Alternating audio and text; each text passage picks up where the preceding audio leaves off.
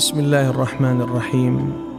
الحمد لله رب العالمين والصلاة والسلام الأتمان الأكملان الأعطران الأزكيان على حبيب رب العالمين سيدنا ومولانا محمد وعلى آله وصحبه أجمعين. أما بعد دور الأمانة في بناء المجتمع. تحدثنا في الحلقة الماضية عن الأمانة في الإسلام. واليوم نتابع وإياكم ما ابتدأنا به لنتحدث كيف أن الأمانة لها دور كبير وعظيم في بناء المجتمعات. لأن تحقيق الأمانة في المجال الاجتماعي من حيث الامانه في رعاية الأسرة أو في العلاقات الاجتماعية بين كافة أفراد المجتمع أو في المسؤوليات الملقاة على عاتق كل فرد تجاه وطنه وتجاه مجتمعه. نجد بأن الالتزام بالأمانة في كل هذه الميادين يؤدي إلى ارتقاء في السلوك وحفاظ على الحقوق ويؤدي إلى بناء الأسرة المؤمنة الصالحة القادرة على تخريج أفراد بنائين مستقيمين في معاملاتهم وسلوكهم تجاه المجتمع. هذا كله يؤدي بالمجتمع إلى الرقي ويؤدي بالمجتمع إلى القوة في بنيانه.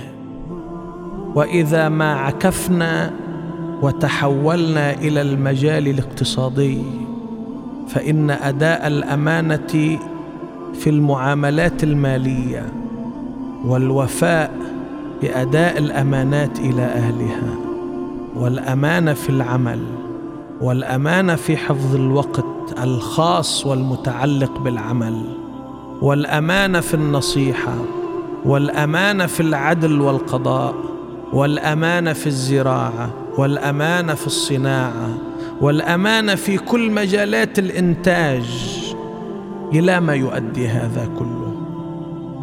يؤدي إلى نمو المجتمع من الناحية الاقتصادية ويؤدي إلى ارتفاع وانحسار الفقر ويؤدي إلى إقبال الناس على العمل والإنتاج والإبداع وهم في حالة من الاطمئنان على أموالهم وجهدهم وحياتهم. بالله عليكم ما الذي ضيع المجتمعات إلا سوء الأمانة؟ ما الذي ضيع الاقتصاد إلا سوء الأمانة؟ ما الذي ضيع الأسر والأبناء إلا سوء الأمانة؟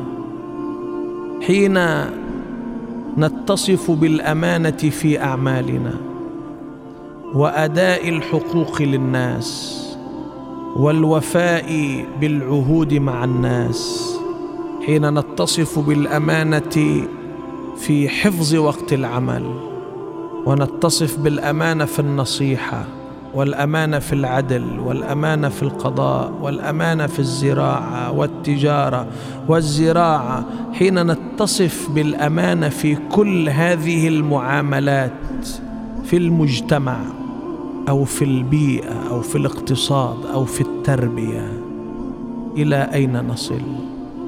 نصل إلى الطمأنينة نصل إلى الأمان نصل إلى السعادة لأن الناس عندها يقبلون على العمل على الإنتاج على الإبداع. لما؟ لأن هنالك اطمئنان على المال على الجهد. على الحياة. إذا انتقلنا إلى المجال العلمي فإن الأمانة في الحفظ تحصيل العلوم والأداء وتوصيل العلم إلى من يستحق. ثم الأمانة العلمية التي يجب أن نغوص من خلالها إلى تطوير العلوم وإلى إبراز أجيال من العلماء المبدعين إلى ما يوصل ذلك. ألا يوصل إلى خير الأمة وتقدمها وتطورها. قيام المجتمع الذي يحرص على تطبيق الأمانة لابد أن يصل إلى آثار إيجابية في بناء وتطور هذا المجتمع. تظهر الآثار من خلال السلوك ومن خلال النفسيات مثل صلاح الفرد واستقامه هذا الفرد الإخلاص في أداء الواجبات والمسؤوليات تحقيق السعادة تحقيق الفلاح ثم نجد أن لذلك آثار اجتماعية إلى جانب الآثار السلوكية والنفسية نجد الآثار الاجتماعية من سمو خلقي ومن تبادل للثقة داخل المجتمع. يصير مجتمع يثق ببعضه يتبادلون الثقة. ومن ثم نصل إلى آثار اقتصادية من حيث الاستقامة في التعامل المالي ومن حيث السلامه في تحقيق الأمن الاقتصادي. إذا نظرنا إلى خلق الأمانة وإلى قيمة الأمانة فإننا نجدها تتعدى ذلك إلى مجالسنا حتى.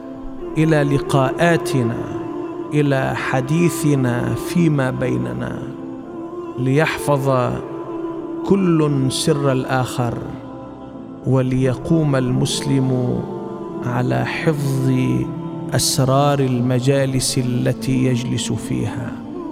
تتعدى الأمانة. من الجانب المجتمعي إلى الجانب الاقتصادي إلى الجانب العلمي إلى الجانب الميداني اليومي والعملي. هذا المسلم الذي عليه أن يحافظ على أسرار المجالس فلا يذيع سرها ولا يكشفها أمام غيره. لأننا وصلنا في جانب من الجوانب إلى خلافات كثيرة بين الناس بسبب سوء الأمانة وبسبب عدم حفظ أمانة المجالس. قال رسول الله صلى الله عليه وسلم إذا حدث رجل رجلا بحديث ثم التفت فهو أمانة. إذا حدثه بحديث ثم التفت فهو امانه أي أن هذا الحديث أمانة لدى من استمع الحديث. فعلى كل مسلم يجلس في أي مجلس أن يعمل على أن تصان هذه المجالس وعلى الا يذكر ما يدور فيها من كلام الناس. على المسلم إذا حضر مجلسا وتم الاتفاق فيه على ألا يذاع ما في هذا المجلس ألا يذيع. ألم يقل رسول الله صلى الله عليه وسلم المجلس بالأمانة المجلس بالأمانة إلا ثلاثة مجالس. مجلس سفك دم حرام أو فرج حرام أو اقتطاع مال بغير حق. إن كل ما يدور ضمن البيت بين الرجل والمرأة كل ما يتحدث به في البيت بين الرجل والمرأة هو من الأمانة وهو من السر بل إن العلاقة الزوجية بينهما هي أمانة. يجب ألا يطلع عليها أحد. وكل ما يجري بين شركاء العمل وبين الناس فيما بينهم هو من الأمانة التي يجب أن يحافظ عليها. والسلام عليكم ورحمة الله وبركاته.